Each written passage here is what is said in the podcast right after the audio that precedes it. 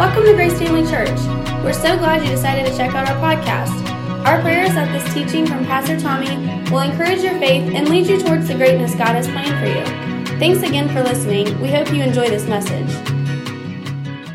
Uh, I want to continue the message that I started last week. Um, the message is entitled The Full Gospel. Um, and what we've really been talking about is making sure that we understand uh, what the gospel is. Because uh, when we say the full, how many of you realize uh, the gospel is the gospel, right? Um, and, and so when we talk about the full gospel, we're talking about the full scope of what the gospel message is to us, first of all, as believers, and what we should be expecting and experiencing in our life. But then it's also uh, really about what we should be believing for God to do through us to help others. And so we were talking about what that is. And so, um, and, and, so um, Mark chapter 16 and verse 15 through 20, Jesus, or actually the Mark 16 gives us sort of, uh, not sort of, very precisely what the gospel is, the full message of the gospel. Uh, we want to make sure we're not preaching half the gospel or believing half the gospel. How many of you realize that if God wants you to have 100% of something, how many of you want 100% of it? Right? We shouldn't be believing for or, or expecting just half of it. Um, now, if you believe for 100%, you only get half, that's pretty good, right? Uh, and, and you know, we're at different levels of faith, and that happens in our life. But when it comes to what we believe about what Jesus did for us, you know, I, I never want to fall short of, I mean, I don't want to stand before Him one day and say, you know, I didn't esteem that part of what you did for me. How many of you realize He paid an awesome price to bring you the full gospel? Amen? And, I, and, so we want to make sure we understand what that is and we're believing God for it. And so, Mark chapter 16, verse 15 through 20, we, we see that outline. And so, I want to read that and then we'll pray and then let's believe God together for just the Holy Spirit to have His way in the remainder of our service. Uh, verse 15 says, And He said to them, Go into all the world and preach the gospel. Everybody say the gospel. Preach the gospel to every creature. He who believes and is baptized will be saved, but he who does not believe will be condemned. And these signs will follow those who believe. In my name they will cast out demons, they will speak with new tongues, they will take up serpents, and if they drink any deadly, uh, anything deadly, it will by no means hurt them. They will lay hands on the sick, and they will recover. So then, after the Lord had spoken to them, he was received up into heaven and sat down at the right hand of God. And they went out and preached everywhere. Well, what did they preach? Well, they preached what Jesus talked about in the previous verses. He said, you know, you're going to preach the gospel, and, and, then, and then these signs are going to follow you from your preaching. So that would lend, it would lend itself for me to understand that what they taught uh, was the very thing that the signs produced, right? Other, so, and, so, and so Jesus told us that they went out and they preached uh, everywhere, the Lord working with them, confirming the word through accompanying signs.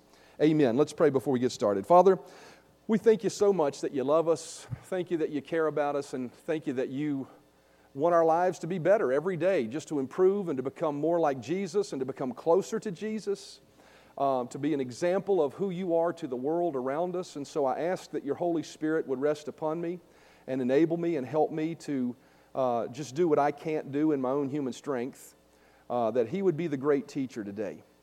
And I just give you praise and thanks for him flowing through me to your people and opening eyes and depositing grace and giving revelation in Jesus' name. Amen. And so, uh, what we see in these verses that we just read is we see five things that, as I look at it, five things that comprise the full gospel. Now, I'm going to hit those, and I'll do this every week uh, at a high level, and then we'll dig into each one of these. But what we see at a high level is, first of all, the gospel is a message of salvation. Secondly, we see the gospel as a message of the authority of the believer. Thirdly, we see the gospel as a message of being filled with the Holy Spirit with the evidence of speaking in other tongues.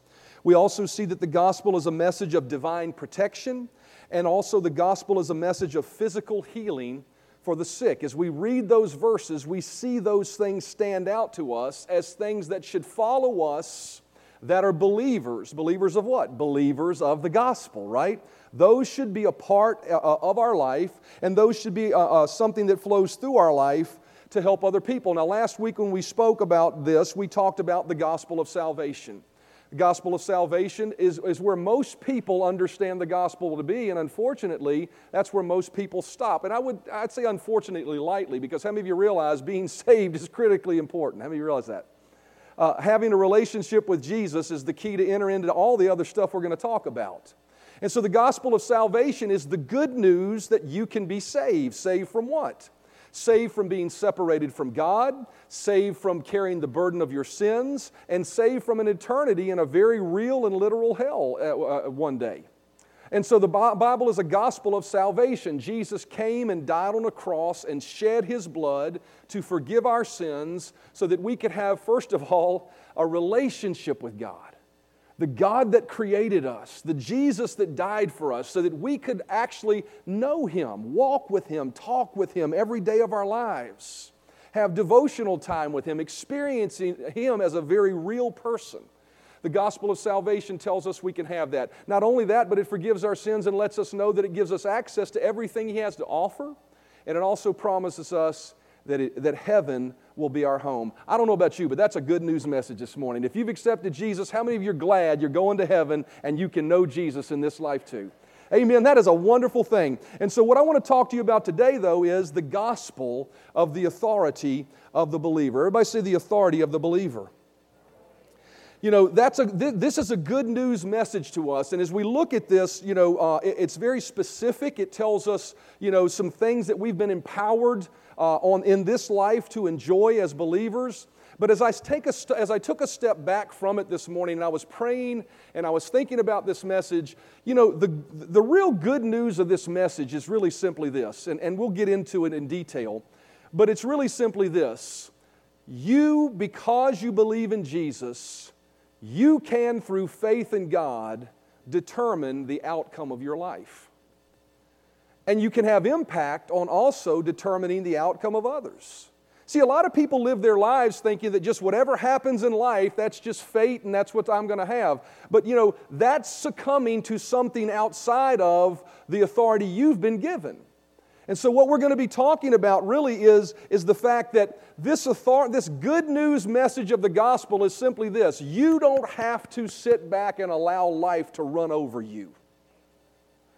How many of you ever had life just run over you at a certain point? I have. I mean, how many of you ever had something show up in your life that you didn't ex- expect, but it, it, it came into your life anyway? Well, the good news message of the authority of the believer is this this is that you don't have to take it. You don't have to sit back and say, well, whatever will be, will be. No, you can rise up through the authority that Jesus has given you because of what he did on the cross. And because of what he did those three days in hell, and because of what he did when the stone was rolled away, you can actually dictate, because of the authority you've been given, the outcome of your life. You may have surprises and you may have setbacks, but you don't have to accept them. The authority of the believer gives you the right to live free from that. And we're going to see that. Mark chapter 16 verse 17 says, And these signs will follow those who believe. How many of you believers this morning? This is, then this sign should follow you as a believer if you believe the full gospel. In my name, they will cast out demons. Everybody say demons. You know, the first thing this tells me is this. When I look at those verses, and Jesus said these words, how many of you believe Jesus told the truth? Jesus said, as a believer, you will cast out demons. What that tells me is this number one, is that there is a very real uh, demonic kingdom that is arrayed against you and every human being that lives on this planet. That the devil is not some made up Hollywood character. He's not some mystical force that we see in many of the movies that we watch. He is a very real being. Ephesians chapter 6 and verse 12 says, For we do not wrestle against flesh and blood, but against principalities, against powers, against the rulers of the darkness of this age, against spiritual hosts of wickedness in heavenly places. What we see here in Ephesians chapter 6 is an outline of the different rank and file within the, within the kingdom of darkness. you know, the scripture, throughout scripture, Jesus spoke of the devil, the thief, the enemy. But there's also an array of forces at his disposal, evil forces, demonic forces that exist in the earth. Now, some people don't want to believe that. Some people want to trump that up as, you know, hype or super spiritualism or something crazy people believe. But I don't know about you. Once again, Jesus told the truth. Demon forces are real. And what this verse tells me is this is that the real problem in this planet is not flesh and blood. The real problem in this planet is a very real and wicked enemy whose goal is to destroy the human race. John chapter 10 and verse 10 says, The thief does not come except to steal and to kill and to destroy. I have come that they might have life and that they might have it more abundantly. The kingdom of hev- uh, darkness's role is to wreak havoc upon the human race. Why is that? Well, I can tell you why. Uh, because of John 3 16. For God so loved the world. The devil, who is very real, and all of his forces that are arrayed with him, hate anything that God loves. And God loves you. And so, one of the things that the enemy is, is, is arrayed to do is to wreak havoc upon your life. He is there to tempt you to sin so you head down a path that is destructive and will harm you. He is there to steal in your life and to kill in your life and to bring sickness into your life. How many of you realize that COVID didn't come from God? It is absolutely a work of the enemy. He is here to destroy your life to make it less than what God intended for it to be. Not only that, but He's ultimately there to bring about your demise and your destruction. And so the good news of the gospel, though, is this is that Jesus made a way that you don't have to be afraid of Him, number one, and number two, you can live free from Him. Amen. See, a lot of people trump up the devil as this big, strong guy you'd be fearful of. I'll never forget when I was a kid, you know, unfortunately, I watched that stupid movie, The Exorcist. How many of you ever saw that movie? And I had gone to church and I had knew, I, I was born again at five years old. And, um, but, but I got to tell you, um, when I saw that movie, I was watching it over a friend's house and I drove home that night at about midnight and it was dark and I was afraid the devil was going to jump out of the back seat of my car and get me. I was afraid of him. Let me tell you why I was afraid of him because I didn't know the authority that Jesus gave me as a believer. You don't have to be afraid of him and you don't have to allow him to steal, kill, and destroy in your life. Ephesians chapter 6 and verse 12 says, For we do not wrestle against flesh and blood, but against principalities, against powers and the rulers of the darkness of this age, against spiritual hosts of wickedness in heavenly places. Therefore, take up the whole armor of God that you may be able to withstand. Everybody say, withstand in the evil day, and having done all to stand, stand therefore. What these verses tell me is that even though there are forces of darkness that are arrayed against me because I'm flesh and blood just like everybody else, right? That I can stand against them. I can resist them in my life. I don't have to accept them. Jesus said that the very gates of hell for a believer would not prevail against you. I want you to know something this morning. If all of hell, I mean all of hell, every imp, every demon, every force of darkness came against you specifically this morning, it could not stand against you if you'll stand in the authority you have as a believer. You've been given authority.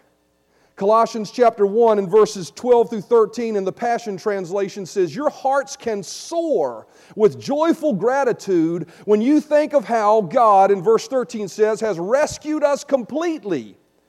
Everybody say completely has rescued us completely from the tyrannical rule and authority of darkness and has translated us into the kingdom realm of His beloved Son. When you accepted Jesus Christ, you got set free from the authority of the enemy and you were translated into the kingdom of God. Now, how did this happen? I think it's important to understand how this happened so that you understand the true authority you've been given as a believer. And to understand that, we have to go back to the beginning of everything. We have to go back to when God created the planet, and we need to understand who had authority then and how authority is transferred, and how now you have the authority in this planet backed by the name of Jesus and the power of God to change your life and to change the lives of others. So let's go back to the beginning. First of all, before we even go there in Genesis chapter 1, uh, we, we need to understand the difference in two words. Everybody say power, everybody say might. Power and might are two different things. Power, or I actually say, everybody say power and might, they're the same thing. I said that wrong. Everybody say power and authority. Everybody say authority. Power is the word that means might. It's physical, it's actually, it could be uh, political strength, it could be uh, social strength, it could be physical strength, and it could be spiritual strength. Power is the word that means might, but authority is a different word. That word authority is the word that means the right to use might. It gives you the privilege of using your might in right places so that you're not a criminal. How many of you realize that you could have the authority to, uh, you could, you could have the authority to carry a gun, and that gives you might, correct? But if you go use it in an illegal way, you're a criminal. You didn't have the authority to use it that way. What authority gives you is the right to use might. So, who had the right to use their power when the earth was first created. Genesis chapter 1 and verse 1. In the beginning, God created the heavens and the earth. So, who created the heavens and the earth? No, no trick question. Who created the heavens and the earth? God created the heavens and the earth. So, as the creator of the heavens and the earth, it is His, correct? So, He has the authority to use His power on the earth when it was created. God had all authority when He created the planet, but there came a point in the existence of this earth that God transferred His authority to someone else to operate on this planet. In Psalm 115 and verse 16, it says, The heaven, even the heavens, are the Lord's. Everybody say the heaven or the heavens? So, what that's talking about is heaven where we will dwell one day, but the heavens speak of uh, outer space, you know, and it says that is the Lord's. You know, I, have read testimony or stories of how astronauts say that once they leave the Earth's atmosphere and they wind up in space, there's this, this, this uh, unexplainable peace that they experience that's not available to them here on Earth.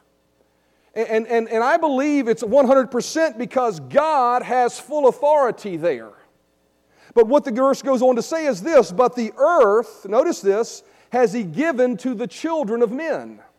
See, there came a point when God said, Although I'm all powerful, I'm granting you the authority to rule and reign on this planet. I'm granting you the authority to, uh, be the one in control on this planet. And we see it in Genesis chapter 1 and verse 27 through 30. It says, So God created man in his own image. In the image of God created he created them, male and female, he created them. Now notice this. Then God blessed them, and God said to them, Be fruitful and multiply, fill the earth, and notice these two words, these two phrases, subdue it and have dominion over it, over the fish of the sea, over the birds of the air, over every living thing that moves upon the earth. Notice what he said. He said, Subdue it and have dominion. That word subdue is the actually Hebrew word kabash. It means beat it into submission. right? And then the word have dominion is actually the Hebrew word that translates to the same word in the New Testament that, that is the word authority. The right to use might. Jesus or God, when He created the earth, He blessed man and He said, Look, I am all powerful, the earth is mine, but I'm going to create a landlord lease situation, so to speak, with you, and I'm going to grant you the authority on this planet. You have the right to subdue it, you have the right to take dominion over it. And then He said, I have given you every, notice He said, I have given you. Whose possession at that point were all these things? They were Adam's to enjoy, Eve's to enjoy. And God said, See, I have given you uh, every herb that yields seed, which is on the face of all the earth, and every tree the, uh, whose fruit yields seed to you, it shall be for food. And also every beast of the earth, and every bird of the air, and everything that creeps. Everybody say creeps. Look at your neighbor and say, I have authority over creeps. Everything that creeps on the earth, in which there is life, I have given every herb for food, and it was so. So, here in this moment, we see God, the, uh, the, the, the one with all the power, who still has all the power, transferring the authority to move in the earth to Adam. But unfortunately, as we go on reading the story, we see that Adam transferred or gave or forfeited. He committed high treason. He, he violated God's law and he submitted himself to the will of another. And in that moment, he transferred his authority to someone else. How many of you know the story of Adam's sin? Right? God said, Don't eat of the tree of the knowledge of good and evil. Satan came to him and said, I want you to eat of the knowledge of the tree of good and evil. Now, why did the devil do that? Did he just want Adam to sin? Now, I'm going to tell you why the enemy did it, and you're going to see in just a moment. He did it because he wanted Adam to submit to him so he could have Adam's authority. So he could rule, so he could have dominion, so that he could exercise his will and come against the God and the, men, the people that God loves. Romans chapter 6 and verse 16 says, Do you not know that you are slaves to anyone you obey. When Adam sinned, he submitted his will and his authority to the enemy. And at that moment, we see in Scripture that no longer, although God is all powerful, although God had granted authority to Adam, no longer from that moment until the time of Jesus did God have full authority on this planet. Some people may say that's blasphemous, but I can tell you right now we know that to be true. Why? Because there's murdering, there's killing, there's stealing. God had nothing to do with any of that. You say, well, Cain murdered Abel. It wasn't Cain that murdered Abel. he physically did it, but it was not flesh and blood. It was the spiritual force behind him. It was the enemy who now had authority to influence people. Adam became subservient, and through it, the entire human race did. Romans chapter 5 and verse 12 says, Therefore, just as through one man's sin, just as one, through one man sin entered into the world, and so death through sin, and thus death spread to all men. And so the entire creation and mankind was subject now to the authority of the enemy, so much so that the Bible even declares, even to this day, for those who do not believe in Jesus, that, God, that Satan is the God of this world. 2 Corinthians chapter 4 and verse 3 through 4 says, But if our gospel be hid, it is hid to them that are lost, in whom, notice this, the God of this world, well, who is that? The God of this world hath blinded the minds of them which believe not. Well, God isn't blinding people from hearing the gospel, is He? No. Well, then who is the God of this world, according to that verse? See, there is a spiritual force because of what Adam did that subjected mankind and this planet to the very fact that now the enemy is considered the God of this world. God's still all powerful, God's still almighty, and there's a lease on this planet, and one day He's going to come back and whitewash it and claim it back. But the reality is, right now, we have a situation where He has authority to move and reign in people's lives who have not accepted Jesus. We're going to get to the good news of once you accept Jesus, you're free from that authority. But He is the God of this world. So much so, you know, many times the things we see on this planet, people will trump it up as, as, as something God did. And the reason they do is they don't understand this principle of the believer's authority and the transfer of authority throughout the ages. We see a tornado and it wipes out a group of trailer parks, and we think God helps, hates people that live in trailer parks. It was an act of God. Even insurance calls it that. It was an act of a God, but not my God. Because God doesn't steal, God doesn't kill, God doesn't destroy. It was an act of a God that exists on this planet, a little g compared to our big G, right? that lives on this planet and has liberty to move somewhat. Authority to carry out stealing, killing, and destroying unfettered, with, an, only, with only really the exception prior to Jesus coming of an annual blood sacrifice that wouldn't wash away sin, it would just cover sin. And soon as somebody messed up again, they're right back where they were under the authority of the enemy. But what we find out, the good news is this morning that when Jesus died on the cross and arose from the dead, he took that authority back. Amen. Satan abused his authority. See, how many of you realize that God not only is an all powerful God and an all loving God, but He is a just God? Injustice doesn't stand with Him.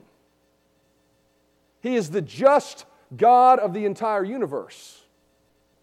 And Satan made a decision to crucify Jesus. Why? Because he knew something about he, you know, a matter of fact, the Bible tells us had he known who Jesus really was, he wouldn't have crucified him. They called him the Son of God. They didn't understand why he was here. They didn't understand what authority he was here under. But he came here and they crucified him as a criminal, even though he was not a criminal. How many of you don't realize last week we talked about it? Jesus lived a life without sin. But Satan influenced ungodly men to hang him on a cross as a criminal, even though he wasn't. Everybody say injustice. He willfully allowed it to happen. Why? Because he knew something had to be accomplished to purchase back for us our authority so that Satan couldn't run roughshod over us any longer. And so what we see is Satan abused his authority. 1 Corinthians chapter 2 verses 2 and 8 says for I, Paul said for I determined not to know anything among you save Jesus Christ and him crucified. Skip down to verse 8. You can read the others but for the sake of time skip down to verse 8 which none of the princes of this world for, had known, for had they known it, they would not have crucified the Lord of glory. See, had Jesus, had, had Satan realized he was crucifying an innocent man, why did he, why did he not realize he was crucifying, he wasn't crucifying an innocent man? Why did, I mean, why did he not know that?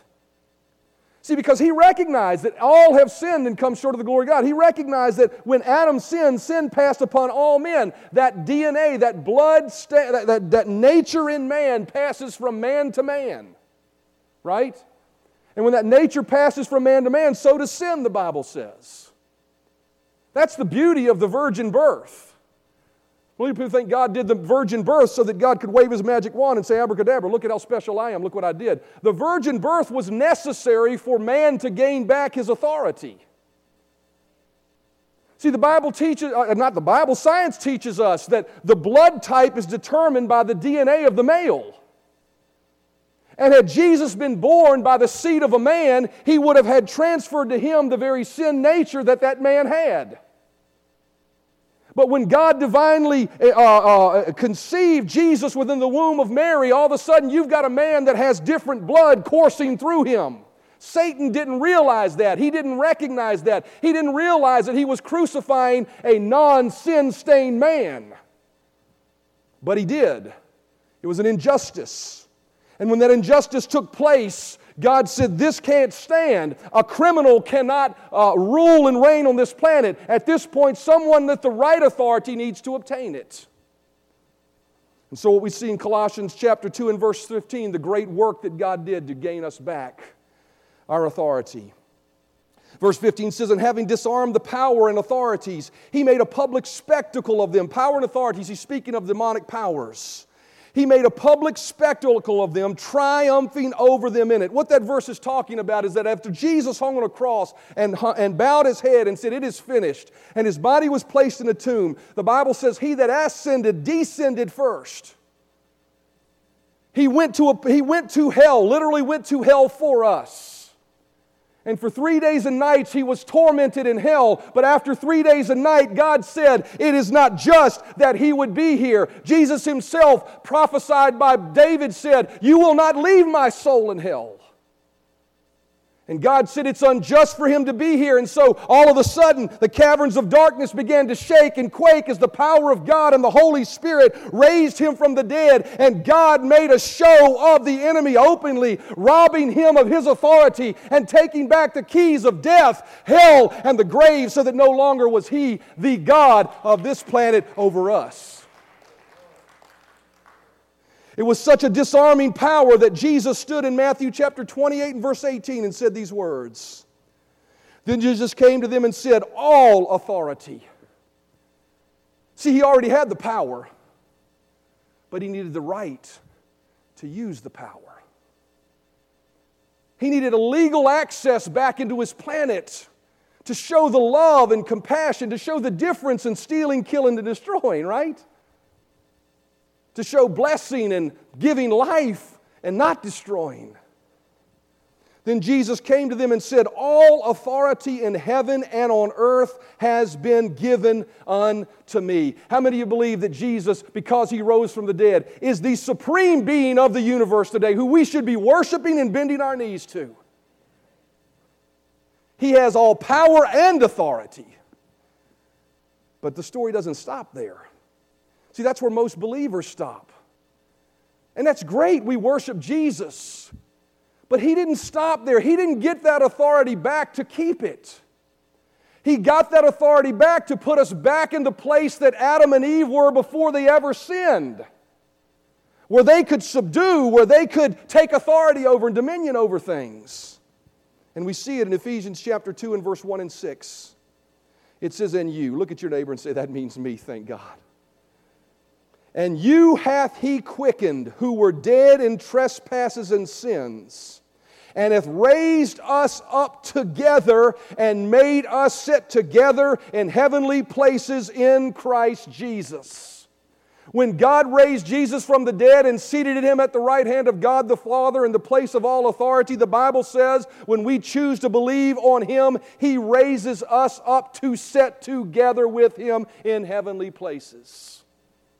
When the enemy comes against you to attack you or to rob from you or to steal from you, you need to understand you're not under him, you're above him. It is a, it is a mental practice that I have in my life that when a problem shows up, the first thing, one of the first things I try to do, because I mean, you know when a problem shows up, it can seem big and looming and large. And if you think like I think, then what I see is a big mountain that's bigger than me initially. But I have to remind myself that I've been seated in heavenly places with Christ Jesus. And that I am not looking up at my problem, I'm looking down at my problem because of where I am seated. We've been seated in heavenly places. We've been given all authority, so much so that Jesus said, You go unto all the world. You preach the gospel to every creature. You cast out demons. You heal the sick. We've been given that authority. He's given you the same authority when you accept His sacrifice. No demon or ungodly spiritual force can dominate you, and no work of the enemy has a right to remain in your life. If you're here this morning and there is a work that is stealing and killing and destroying in your life, it has no right to stay there. You can, through faith and belief in God's Word, as you feast upon God's Word and you feast upon this truth of the authority of the believer, build your faith to the point that you can drive it out by the power and authority of Jesus' name. Romans 5 17 says, as the, as the musicians come, it says in verse 17, the sin of this one man, Adam, caused death to be king over all. But all who will take God's gift of forgiveness and acquittal, notice this, are kings of life. Everybody say kings of life. Are kings of life because of this one man, Jesus Christ. Now, listen to me. I'm a king of life not because of who I am and not my humanity. I am a king of life because of who Jesus Christ made me because of his shed blood and his resurrection from the dead. I am a king of life. Look at your neighbor and say, I'm a king of life. Think about a king. What does a king do? He doesn't allow life to dictate to him, he dictates to life what his kingdom will be. That doesn't mean that there won't be robbers and thieves and things that try to creep into your kingdom and try to rob you of it. Jesus said, You're going to have tribulation, but He said, Be of good cheer. I've overcome the world. He's saying, Understand, I have authority. And the further on message from that, after he rose from the dead, was, And I've given it to you. I've given you authority. The positional authority to rule as a king. And now, the only way a believer can be affected, and this is, this is really important.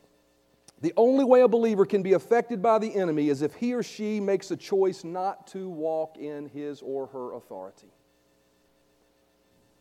1 Peter chapter 5 and verse 8 says, Be sober, be vigilant, because your adversary, the devil, very real, doesn't have horns and a tail and a pitchfork, he's real.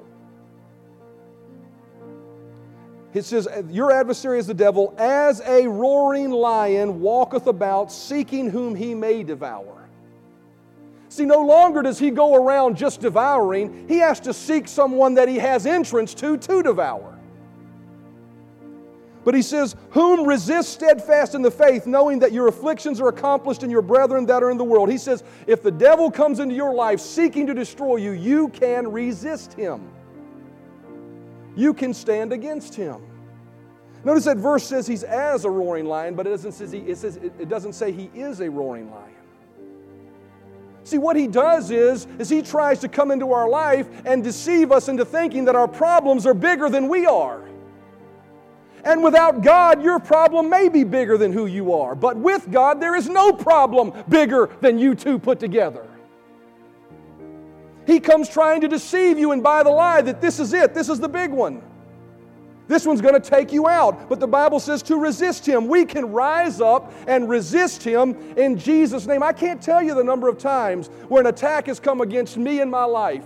And with nobody around, I've actually caught myself yelling at the devil, In Jesus' name, you have no authority in my life. Get out.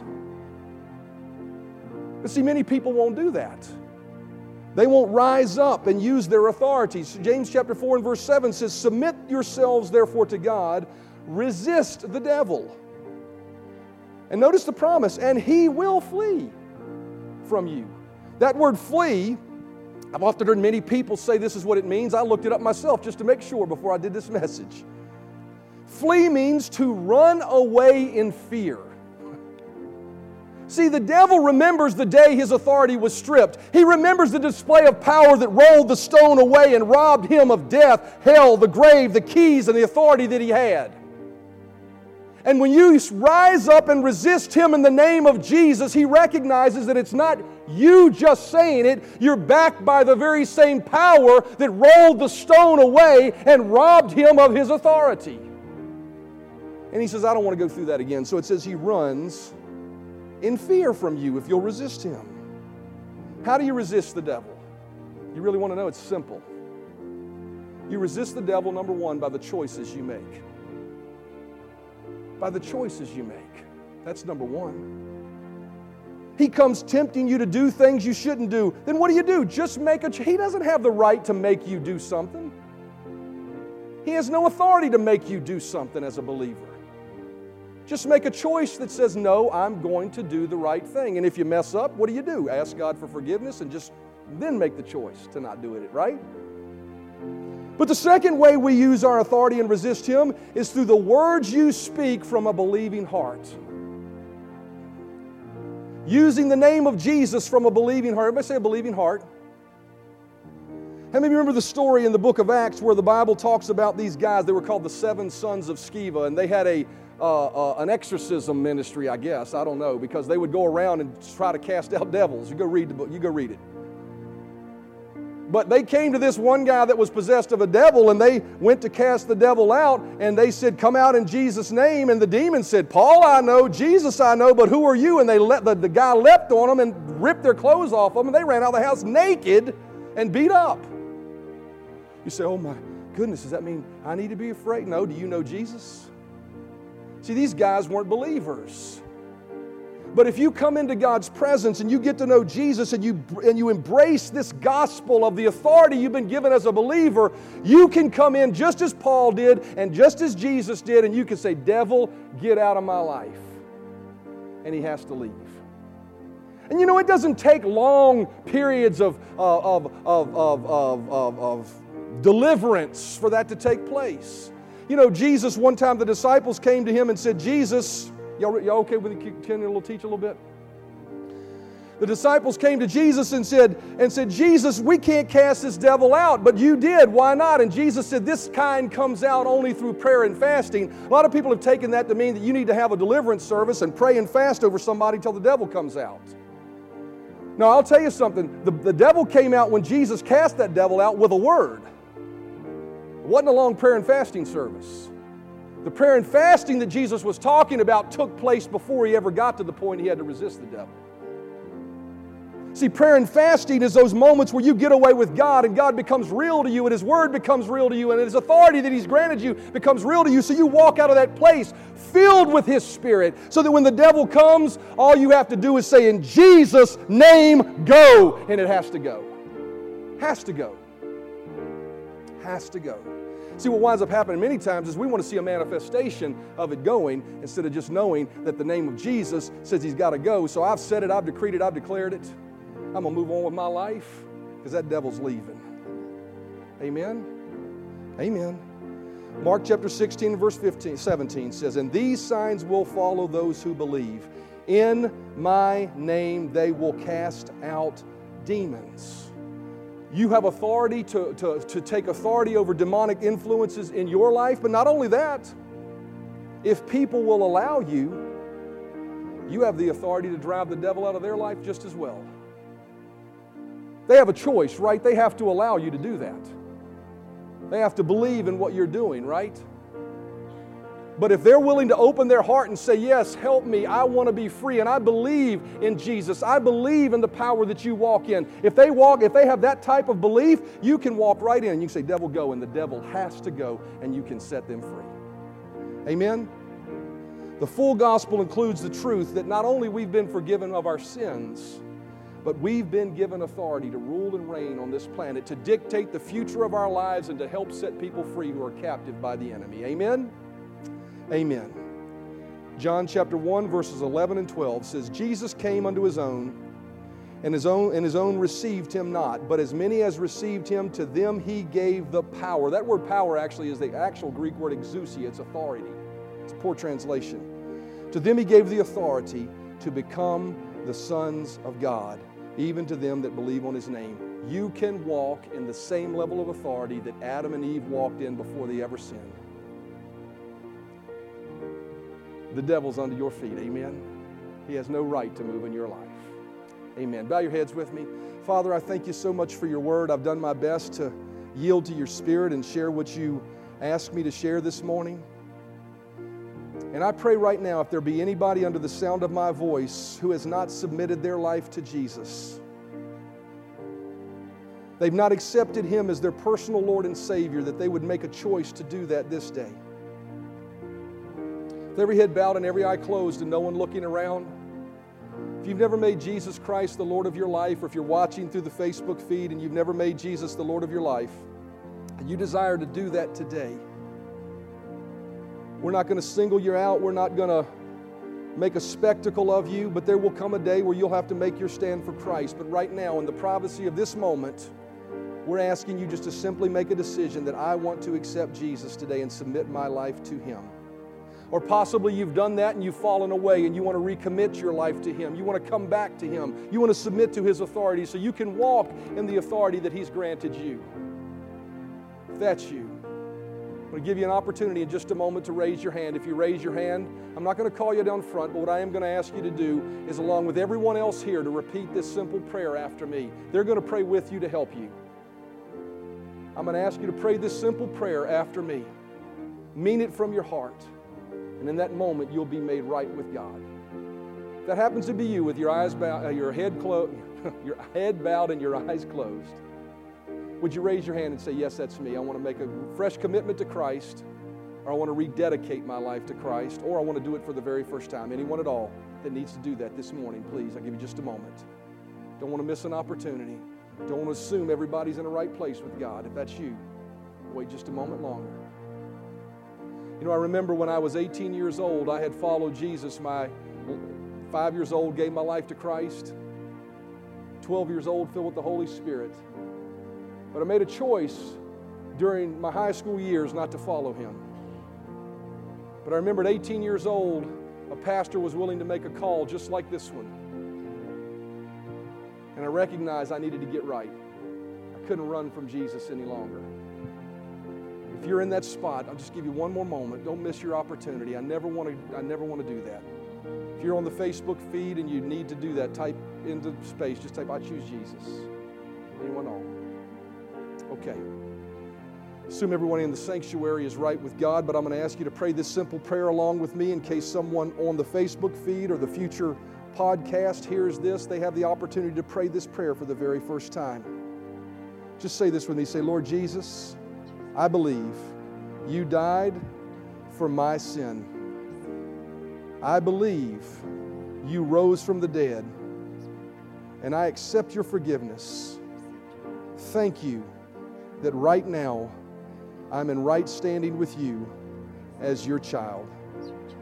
And you've granted unto me full authority to use your name and dictate the future of my life. Thank you, Father, for that wonderful privilege. In Jesus' name, amen and amen and amen. Thanks for listening to our Grace Family Church podcast. We hope you enjoyed this message. If this ministry has blessed you in any way, we would love for you to get connected. Just go to gfcva.info for more information about who we are, how to give to this ministry, or how you can get involved. Thanks again for listening, and we hope to see you soon.